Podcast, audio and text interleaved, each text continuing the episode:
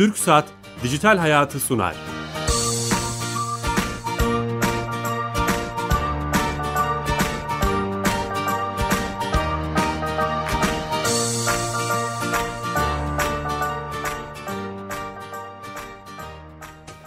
Dijital Hayat'a hoş geldiniz. Her cuma TRT Radyo 1 mikrofonlarında internet, teknoloji ve sosyal medyanın hayatımıza etkilerini konuştuğumuz programımızda bu hafta 20-21 Mayıs'ta İstanbul'da yapılacak önemli bir organizasyonu, bunun beklentilerini, sonuçlarını konuşacağız. İki değerli konuğum var bu organizasyonla alakalı. Ee, organizasyonun kurucu ortağı Nurhan Demirel. Hoş geldiniz Nurhan Hanım. Merhabalar, hoş bulduk. Merhaba ve e, hem organizasyonda konuşmacı olacak hem de kendisi beyaz şapkalı hacker olan İbrahim Baliş Bey. İbrahim Bey hoş geldiniz. Hoş bulduk, merhabalar. Eyvallah. E, bu organizasyonu ve beklentileri, e, e, sonuçlarını, neler bekliyoruz onları konuşacağız uzun uzun. Ama bugün önemli bir gün. E, Türkiye'de ilk radyo yayının yapıldığı günün yıl dönümü. E, 89 yıl önce bugün 6 Mayıs'ta Sirkeci Postanesi'nden ilk radyo yayını yapıldı Türkiye'de. O yüzden e, bir radyo programında bunu anmak istedik. Çok önemli. Tekrar hayırlı olsun. 89 yıl olmuş dile kolay. E, bunu da kutlamak istedik. İnşallah nice 89 yıllara diyoruz. E, programımızın sponsoru Türkiye'nin e-dönüşüm e, şirketi TürkSat ve oraya bağlanıyoruz her hafta. TürkSat'tan Kablo TV'den Murat Solak e, pazarlamadan pazarlama uzmanı e, Murat Solak'a bağlanıyoruz ve her hafta bize Kablo TV ile alakalı bir servisi, hayatımızı kolaylaştıran servisi anlatıyor. Ona bağlanacağız. Ankara'ya canlı yayın yapacağız. Bağlantıyı yapacak şimdi teknik yapımcım Kenan Bey. Onunla konuşacağız. Ee, programla alakalı hem geçmiş programlarımıza e, Facebook ve Twitter'dan e, ulaşabilirsiniz. YouTube'da bir kanalımız var. Dijital Hayat TV konu, kanalımız. Oradan bütün programımızın geçmişte yaptığımız programların detaylarına, geçmiş kayıtlarına ulaşabilirsiniz. Onu yapabiliriz. E, dediğim gibi e, e, Lokart'ı konuşacağız. 20-21 Mayıs'ta yapılacak organizasyonu İstanbul'da hackerlar buluşuyor temasıyla toplanacak. Onu konuşacağız. Ee, sanırım Murat hatta. Murat Bey. Merhabalar Bilal Bey. Nasılsınız? Teşekkür ediyorum. Sağ olun. Siz nasılsınız? Sağ olun. Bu hafta hangi özelliği bize anlatacaksınız? Ee, son iki haftadır çok yoğun ilgi gören kampanyalarımızdan bahsettik ama bu hafta bizim ana hizmetlerimizden birisi olan Uydunet internet hizmetimizden bahsetmek istiyorum. Tamam süper. Ee, Uydunet hizmeti kablo TV şebekesine bağlanan modem yoluyla herhangi bir e, internet servis sağlayıcısına veya telefon hattına ihtiyaç duymaksızın internete bağlanılmasını sağlayan bir sistem. Şu anda e, bizim bütün şebekelerimizin mevcut olduğu 23 tane ilde sunuluyor. E, basit bir tanımla kablo TV hattı üzerinden internet, geniş bant internet hizmeti olarak e, tanımlayabiliyoruz. Hı hı hı. E, bu hizmetimizin bazı avantajları var. Bunlardan bahsetmek istiyorum. Ee, örneğin Uydunet abonesi olabilmeniz için e, telefon hattına ihtiyacınız yok. Bu e, ciddi bir avantaj. E, Uydunet kullanan abonelerimiz 10 megabitten 100 megabite kadar e, internet hizmeti alabiliyorlar seçeneklerini içinden kendileri belirleyerek. E, Uydunet tarifeleri rakiplerine göre çok daha ekonomik. E, Uydunet'in içerisinde e, statik IP adresiyle e, kurumsal hizmet verme imkanı sunuyoruz. E, kullanıcılarımız ücretsiz e-posta hizmetinden faydalanabiliyorlar. Hı hı hı. Ee, yine aynı şekilde abonelerimiz ayda bir sefer olmak üzere e, hız değişikliği yapabiliyorlar tarifelerinde. E, Uydunet kullanan müşterilerimiz e, bağlantı ücreti ödemezler. E, aktivasyon ücretiyle ilgili olarak da taahhütlü abonelik yaptıkları takdirde bunu da ödemezler. Bu da çok önemli bir avantaj evet. Kesinlikle. Hizmetlerini askıya alabilirler. Yani bu da ciddi bir avantaj. Yani biz burada müşteri odaklı yaklaşımımızın e, göstergesi. E, e, hizmetlerini askıya alabiliyor müşterilerimiz. E, burada ucuneti kullanabilmek için e, sadece teknik olarak e, çok fazla detaya girmeksizin DOCSIS sistemini destekleyen modemler vasıtasıyla müşterilerimiz kullanabiliyorlar. E, Uynet genel itibariyle böyle bir hizmet. Bununla ilgili bütün tarife ve detayları ilerleyen haftalarda anlatacağız. Tamam. E, hizmetimizin detayları ve kampanyalarımızla ilgili olarak her zaman tekrarladığımız gibi türksatkablo.com.tr adresinden 444 0126 numaralı çağrı merkezimizden ve TürkSat abone merkezlerinden vatandaşlarımız tüm detayları öğrenebilirler. Haftaya da daha ayrıntıları bekliyoruz o zaman sizden. Evet haftaya da Ucunet'in artık kullanılan müşterilerimize avantaj sağlayan hizmetlerinin detaylarını anlatacağız. Süper. Tüm ekibe selamlar Murat Bey. Teşekkür ediyoruz. İyi Görüşürüz. iyi çalışmalar. Evet TürkSat'a da bağlandık. Ucunet'le alakalı bilgiler aldık. Ee, şimdi hemen konuya gireyim çünkü iki değerli konuğum var. Ee, bir önce konuşmak istiyorlar haliyle. Ee, şimdi 21 20 21 Mayıs'ta bir organizasyon var. Hem dinleyicilerimize bunu e, duyurmuş olalım. Organizasyon ne? Neyi hedefliyor? Nurhan Hanım'dan başlayalım. Ee, organizasyonumuz gerçek tehditleri ve güvenlik risklerine odaklanmış bir organizasyon. Ee, bu sene konuk ülkemiz İspanya. İspanya siber e, siber polisi buraya gelecek. Türk Emniyetinden e, arkadaşlarımız İspanya gelecek. siber polisi buraya gelecek. Evet gelecek. Ee, daha önemli konuklarımız var. Uluslararası yakın- bir organizasyon. Uluslararası bir organizasyon. Bu organizasyon EMA bölgesinin en büyük siber güvenlik zirvesi bu zamana kadar yapılan. Hem e, devletin desteğini aldığımız hem e, sivil toplum kuruluşlarının desteğini aldığımız hem de özel sektörün desteğini aldığımız bir organizasyon. Sadece e, güvenlik güçlerini de buluşturan bir organizasyon değil, popüler teknolojiyle ilgili teknoloji basını ve bunun bütün paydaşlarını da aynı zamanda bir araya getiren bir organizasyon. O yüzden oldukça e, önemli stratejik bir konumu var. Ve e, böylesine fütüristik konuların e, konuşulacağı, tartışılacağı e, bir organizasyonun da e, bütün paydaşlar tarafından desteklenmesi de bizim için çok e, önemli ve değerliydi. E, o desteği aldık. E, artık katılımcılardan katılımcıların desteğini de gelerek e, bekliyoruz. Nasıl katılacağız? Hemen kısaca soralım. Ee, Eventbrite sayfamız var. Locard.org'dan da register bölümüne tıklandığı zaman e, bilet satın almak için e, organizasyonun sayfasına yönlendiriliyor ziyaretçiler. Bu şekilde katılabilirler. Herkese açık yani sadece bu sektörde ilgili olanlar değil e, tüm vatandaşlara açık bildiğim kadarıyla. Tabii ki tüm vatandaşlara açık. Şöyle e, çok ilgi çekici konularımız var. E, mesela drone hacking gibi, nesnelerin interneti gibi, big data gibi, e, akıllı şehirler gibi konular var. Şimdi bu konular e, çok popüler konular ama şimdi bu konular e, hem mesela belediyeler akıllı şehircilik uygulamalarına çok ciddi bütçeler e, yatırıyorlar. Ancak bu konuları biz konuşurken, çok ciddi yatırımlar yaparken e, bu konuların risklerini hiç konuşmuyoruz. Çok ciddi güvenlik riskleri var aslında. Biz e, Lokart'ta e, Bunlar konuşulacak. Bunları konuşacağız. Yani insanların ilgisini çekecek konuları, hayatımızdaki gerçek riskleri, yakın gelecekte karşılaşabileceğimiz riskleri konuşacağız ve bununla ilgili uzmanlar, siber güvenlik uzmanları, beyaz şapkalı hackerlar kendi aralarında e, konuları istişare edebilecekler. Bütün e, paydaşlar orada olduğu için dolayısıyla çok verimli e, görüşmelerin gerçekleşeceğini düşünüyoruz bu ortamda. Süper. E, hemen o zaman bir hacker gözüyle Evet. e, dönelim ve İbrahim Bey'e. E, şimdi bu riskler çok önemli. Hem e, başımıza bir iş gelmeden güvenlikle alakalı teknoloji ve internette hem de geldikten sonra yapılacaklar var sanırım değil mi? Evet, yani e, gerçi oradaki konuşmamda bu olayı birazcık daha devlet bazında ele alacağım. E, sunumum buna yönelik e, siber silah endüstrisini ve siber savaşları anlatacağım. Burada e, değinmek istediğim birkaç farklı nokta var sunumum için konuşacak olursak. Bir, e, şu an yasal olarak aslında hiçbir e, ülke, hiçbir organizasyon bu işlerin e, resmi olarak yapılabileceğini kabullenmiyor. Fakat bu sürecin dışında gelişen bir süreç var. Burada da devletler kendilerine siber ordular, e, bunun da dışında siber e, alanda araştırma yapacak firmalar kuruyor veyahut da kurulacak firmalara teşvikler yapıyor. Bu Kore için de geçerli, Çin için de geçerli, Amerika için de geçerli.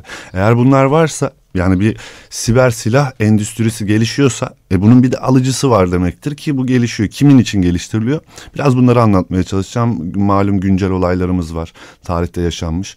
Ee, Tarihe gitmeye gerek yok aslında. İşte yaklaşık bir ay önce belki bir ayda olmadı.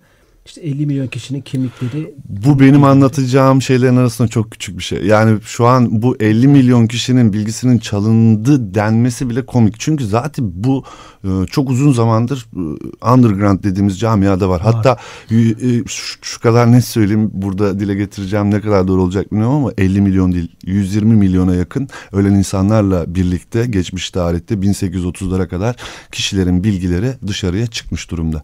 Ha bu herkesin elinde değil. İşte birileri e, bazı e, olayları provoke edebilmek için, devleti küçük gösterebilmek için paylaştı bu dataları. Ama bunun çok daha ötesinde riskler var. Ve hatta devletin şu an öngördüğü işte bir siber ordu kimlik paylaş bilgilerini korumak için kurulmuyor. Ve hatta işte emniyetin içindeki bazı birimler, özellikle istihbarat alanında kurulan birimler bunların peşinde değil. Çok daha büyük riskler var. Yani bu gündemde olanlar sadece kişileri korkutuyor ama aslında risk çok daha büyük. Çünkü düşünsenize dünyada silah kavramı değişti. Eskiden silah denildiğinde yok edici, patlayıcı, böyle imha edici bir şey gelirken artık silahla yönetme, takip edebilme, izleme yapabiliyorsunuz. yapabiliyorsunuz. Tabii ki yani tabii ki algı yönetimi bile yapabiliyorsunuz küçücük bir sosyal medya sitesiyle. Eyvallah. Peki şey önemli. E, hep şunu konuşuluyor siber güvenlik anlamında. Herkes kırılabilir, herkes o duvarlar aşılabilir. Belki en önemli şey organizasyonda da belki onu konuşacaksınız. Evet bu aşıldıktan sonra ne yapılacak? Kesinlikle çok güzel bir noktaya değindiniz. Olayın iki boyutu var. Bir öncesi var. Nedir?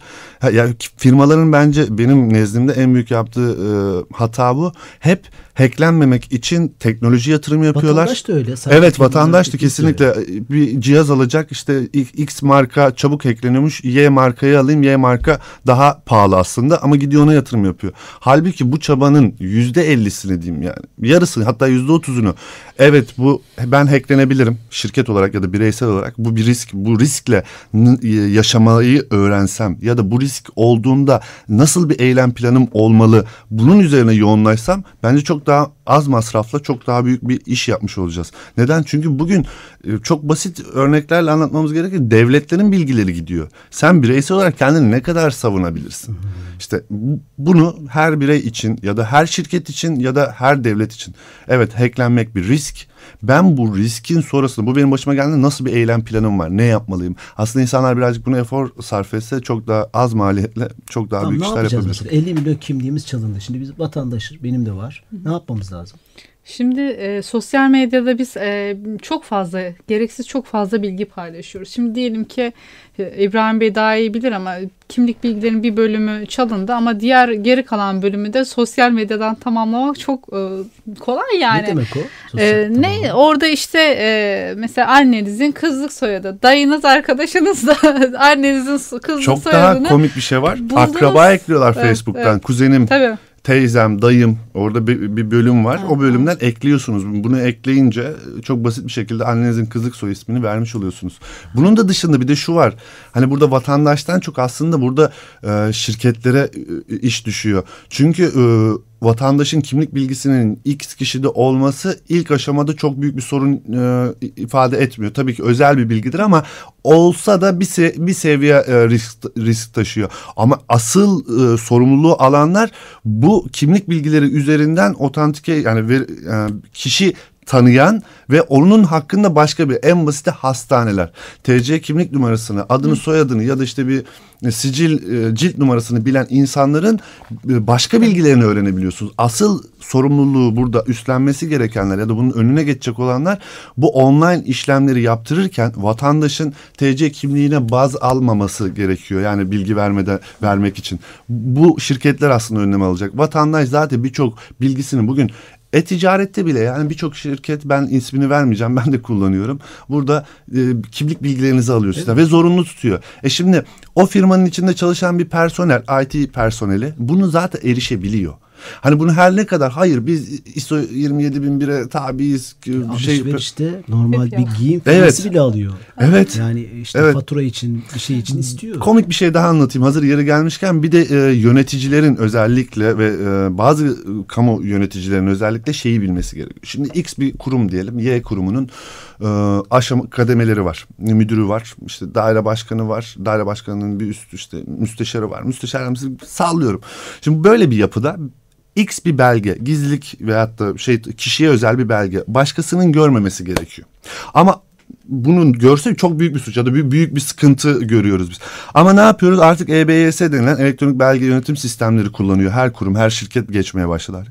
Bu şirket yöneticileri şu an IT'de çalışan kişilerin bu belgeler erişebildiğinin farkında değil. Demek istediğim şeyi anlatabildim mi bilmiyorum. Evet, evet. Yani bunlar bir server üzerinde tutulduğu zaman aslında siz IT'ye bir işte XXX büyüklükteki bir generalin belgesini okuma hakkı veriyorsunuz. Oradaki o denetimi verdiğiniz zaman. Bu şirket içinde de aynı. CTO'ya gelen bir mesajı bugün maili mail server'ı yönetenler, mail server'ı yönetenler e, görebiliyor. İşte bu, bu riskleri bilerek bir kurgu kur, kurup içeride bir yönetim, IT yönetimi işte ne bileyim en basit domain admin şifresinin bir kişiye değil de üç kişiye paylaşılması yarım yarım ve kullanımında bir tutanak tutulmasını öngörecek bir e, strateji belirlersek bazı şeylerin birazcık daha önüne geçmiş olabiliriz. Ben şunu gördüm yani işte bu programlarda da 70 haftadır yapıyoruz. Daha öncesinde ve hep düşünüyoruz, hep konuşuyoruz. E, artık bütün kurumlar nasıl e, işte psikoloğu, hukukçusu varsa mutlaka bir bilişim uzmanının da hatta Var. bir yönetim kurulunda genel müdür yardımcısı işte ailenin bireysel olarak hani bireye mikroya inelim. Mutlaka bilişim konusunda danışacağı e, ondan fikir. Çünkü hep bunları bilmemiz bu konularda uzman olmamıştı senin gibi mesela uzman mümkün değil. Biz araştırmacıyız. E, uzman evet, yani Herkesin bu konuda danışacağı bir kurumsal bir yapı kurması gerekiyor. Oraya gidiyoruz sanırım. Var. Kesinlikle var ve şöyle bir şey söyleyeyim. Devletin bu alanda inanılmaz bir eforu var. Yani 2013'te siber komutanlığımız kuruldu. Faal, aktif ve güzel işler yapıyorlar şu an. Hatta en son bir yarışmada, uluslararası bir yarışmada hani biraz kademe sarf ettiler. Sonuncuyken birazcık daha ortalara gelebildiler. Bir yıl içerisinde olan bir gelişim bu. Onun dışında kamu kurumlarında sır bu alanda personel istihdam ettiremiyorlar. Memuriyetinden ötürü para veremiyorlar diye bunun üzerinde yasal değişiklik yapıp şu an en üst seviye memur seviyesinde para alarak e, siber danışmanlar aldılar, alıyorlar. Kurumların bu alanda bütçeleri oluşturuldu. Hani devletin bu, farkındalık oluştu. Farkındalığın ötesine geçti. Faal işlem oldu ama e, kalifiyeli adam yok. Kalite. Yani burada gerçekten deneyimli ve gerçekten tecrübesini bir şeyleri geliştirebilmek için e, çalışacak adam yok. Bunların hepsi dışarıya gidip özel sektörde kendilerine bir şirket açıyorlar. Peki ne yapmak lazım bu farkındalığı? Şöyle, Mesela sizin yaptığınız bu organizasyon evet. değil mi? Farkındalık için Tabii. önemli. Tabii yani e, herkes bireysel kullanıcıdan kurumsal kullanıcıya kadar herkes dijital suistimale uğruyor ve artık e, suçlar da dijitalleşiyor. Yani dolandırıcılar e, artık sanal dünyaya geçiş yapmış suçlarını dijital üzerinden işliyorlar. Yani e, biz e, onların şu anda yapmış oldukları işte işlemler olsun yakın gelecekte yapabilecekleri potansiyel çalışmalar girişimler olsun bunları çok daha önceden öngörmeliyiz. Yani nitelik İbrahim Bey'in dediği gibi nitelikli insan kaynağı yetişmesi gerekiyor. Bizim gibi organizasyonların ve paylaşım ortamlarının artması gerekiyor. Çünkü e, profesyonellerin bir araya gelerek e, gerçek yaşanmışlıklardan öğren, öğrenilmiş tecrübeleri konuşarak işbirliği ortamı sağlamaları gerekiyor. Yani hmm. eskiden bu fuarlar oluyordu, standart standlar açılıyordu koca koca falan. Ama artık bir dönüşüm dönemindeyiz. Ancak e, biz gerçekten böyle e, önemli konulara odaklanmış organizasyonlarda artık çözümler üretebiliriz. Bu da bir ihtiyaç. Ancak bizim hani e, organizasyonumuzun var olma sebeplerinden de biri şu. Dünyada artık e, sanayi şirketleri gerilerken teknoloji şirketleri daha ön plana çıkıyor. Ancak ee, bizde daha çok e, inşaat gibi, sanayi gibi e, şeyler, sektörler ön plana çıkıyor. Bizim de e, bu dijital e, dönüşüme ayak uydurabilmemiz için çok önemli e, etkinliklerimizin olması gerekiyor.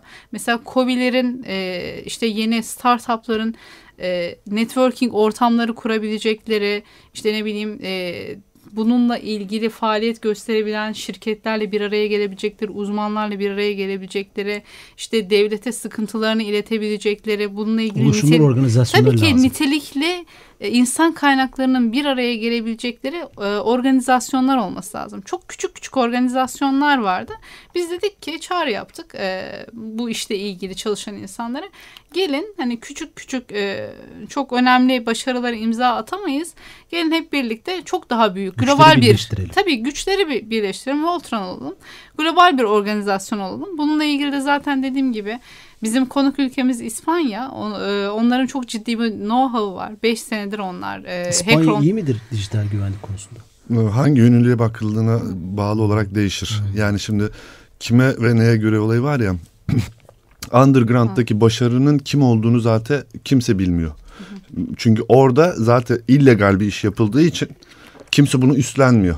Onlar hep sokak şehir efsanesi gibi işte. Hani şu Yani ülkedir bu ülke. İspanya. Üst üst tarafta iyi. İyi kötü, biri. evet kötü diyemeyiz. Bir de şey önemli. Şimdi çok güzel bir şey söyledi. Suçlar dijitale kayıyor.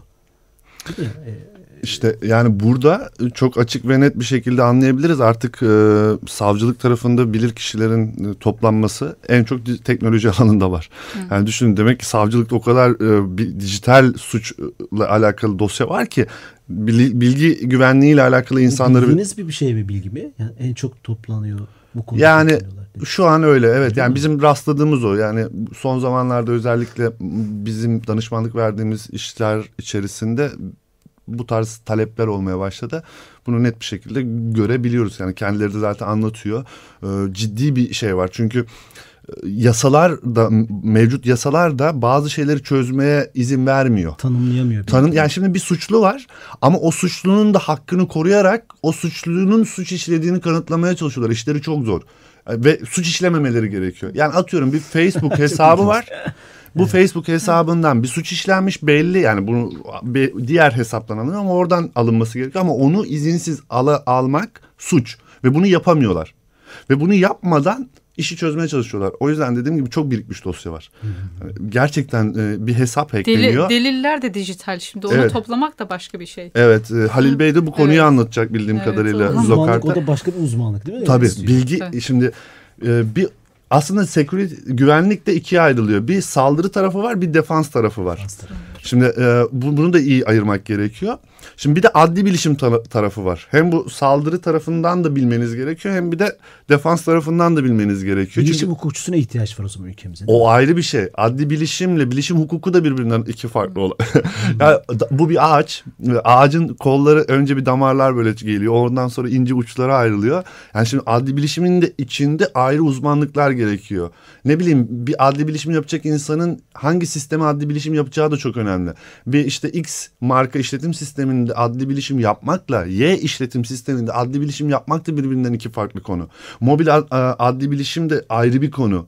E, Bunların hepsi böyle şey dallanıp Çok dallanıp güzel aslında tarif Tabii. ettiniz. Bir ağaç var. Evet ağacın bu dalları ağacın gibi. dalları gibi Ve gidiyor. hayatımızı yeni yeni etkilediği için sorunlar yeni yeni çıktığı için Yasalarımız da yetmiyor. yasalarımız da yetmiyor. Gelişiyor devamlı bu süreç Toplum da zarfında. hazır değil. Evet. O yüzden bu tip organizasyonlar Kesinlikle e, biz de burada yapılmalı. program bu bu program vasıtasıyla bunları duyurmak istiyoruz. Yani insanlar katılsın.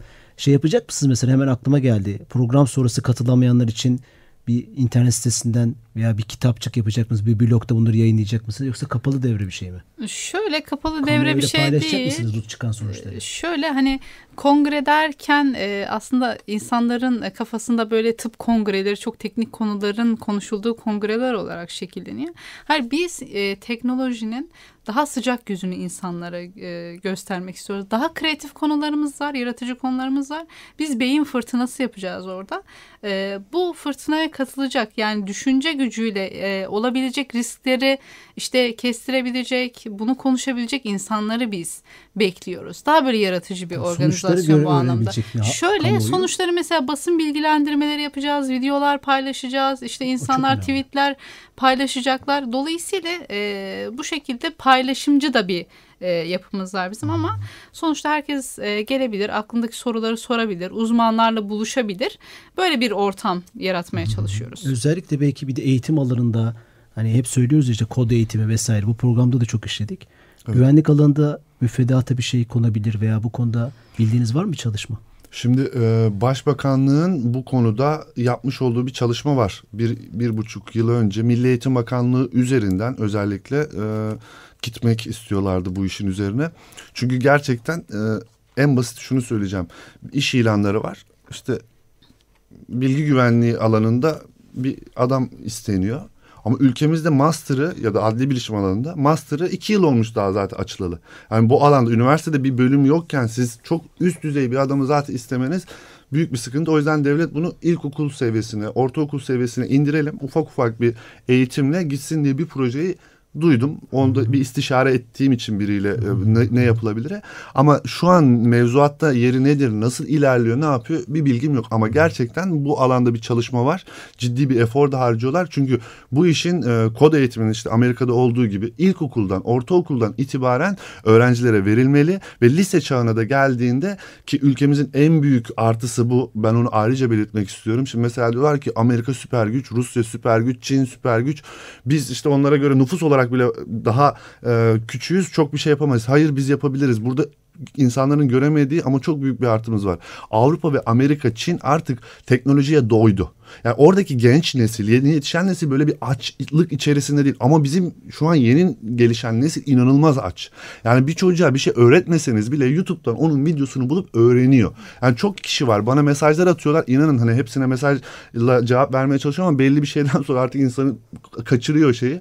Bakıyorum hem sormuş Sonra bir ara kızmış kızmış bana işte sen niye bana yardım etmiyorsun falan. Sonra bulmuş ben sen, sana ihtiyacım yok ben onu bulabiliyorum. Şimdi bu çok güzel bir şey çok hoşuma gidiyor gerçekten. Neden? Çünkü gerçekten şimdi oyun sitelerinde takılıyorum. Avrupa'daki insanlara tanışıyoruz öyle ufak tefek konuşma var.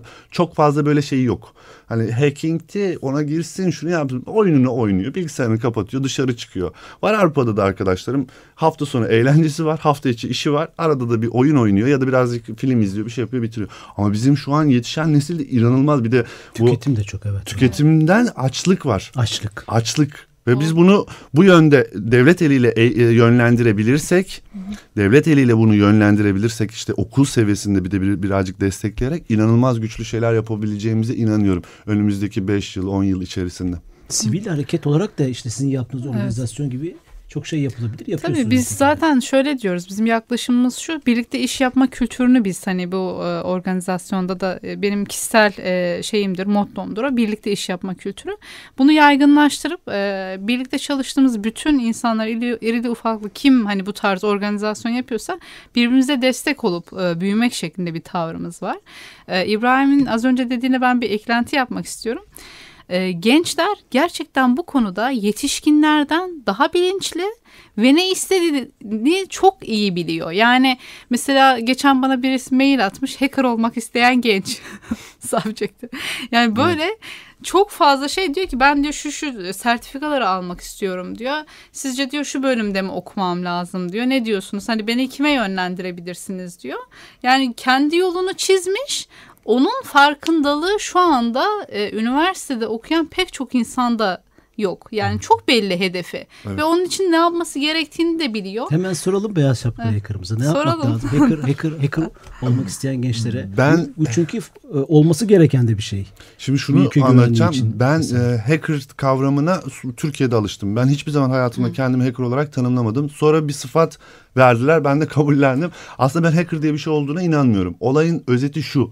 Bilgi güvenliği alanında iyi bir şeyler yapabilmek istiyorsak altyapıyı iyi öğrenmemiz gerekiyor. Yani bugün insanların aslında hacker olmaktan çok sistemleri çok iyi öğrenmesi gerekiyor. Çok iyi kod yazabiliyor olması lazım. Mimariyi bilmek lazım. Yani şöyle daha basit bir örnekle anlatayım herkese. Bir kapının kapı kilidinin içindeki o mekaniğin nasıl çalıştığını bilirseniz o kapıyı açabilirsiniz. Yeter ki o mekaniğin nasıl hangi pimin yukarı ne kadar aşağı indiğini Veya hesap yenisini edin. yaparsınız. Yenisini kesinlikle. İşte benim söylemek istediğim şey bu. Ha ondan sonra şu kalıyor. O kapıyı hırsızlık yapmak için mi açacaksınız? O kapıyı korumak için mi açacaksınız? Evet, güzel. Yani bu, bunu yapmalıları lazım. En basiti gidip işletim sistemleri var hayatımızda. İşte Y var, Z var, A var neyse. Bunların mimarileri var. Hepsinin e, şablonları var. Ne nasıl çalışıyor, ne ne için oluşturulmuş kütüphane. E, bunları bir inceleyelim bakalım. Bunları bir araştıralım bakalım. Ne var, ne nasıl çalışıyor. Bunu öğrendikten sonra zaten hiç kimseye ihtiyacımız yok. Böyle bir kurs var mı? Var tabii. Yani Hemen en basiti benim çok yoğun olarak kullanıldığını e, bildiğim için söylüyorum. İki tane önerim var. Bir tanesi Windows Internals öğrensinler. Google'a yazarak birçok yerden bunu bulabilirler. Hatta bedava PDF'ler de var, kitaplar da var bu alanda çok önemli. İkincisi Android Internals. Çünkü Android sadece mobil bir işletim sistemi değil, aynı zamanda endüstriyel elektronikte de var. Bugün akıllı ev sistemlerinin neredeyse yüzde sekseninde Android kullanılıyor gömülü olarak. Yani Android'i bilmek demek aslında beş yıl sonra işte o şehirlerdir, e, akıllı ev sistem hepsini evet. Bilmek gerekiyor anlamına geliyor. Evet. Android Internals'ı mutlaka öğrensinler. Çok teşekkürler. Çok konuşacak şey var. Vakit Bitmez. Evet e, yani bu de, o dedi ya işte ağaç gibi kolları var. İşte bu kolları şeyleri hep programda konu yapmaya çalışıyoruz. Ne güzel. Ayağınıza sağlık, ağzınıza sağlık Biz geldiniz. teşekkür ederiz. Tekrar duyur, e, duyurmakta fayda var. 20-21 Mayıs'ta İstanbul'da Lokart organizasyonda İstanbul'da hackerlar buluşacak. Hem bireysel hem kurumsal e, e, güvenliğimizi ve riskleri konuşacağız. E, haftaya yeni konu ve konuklarla beraber olacağız. İyi hafta sonları.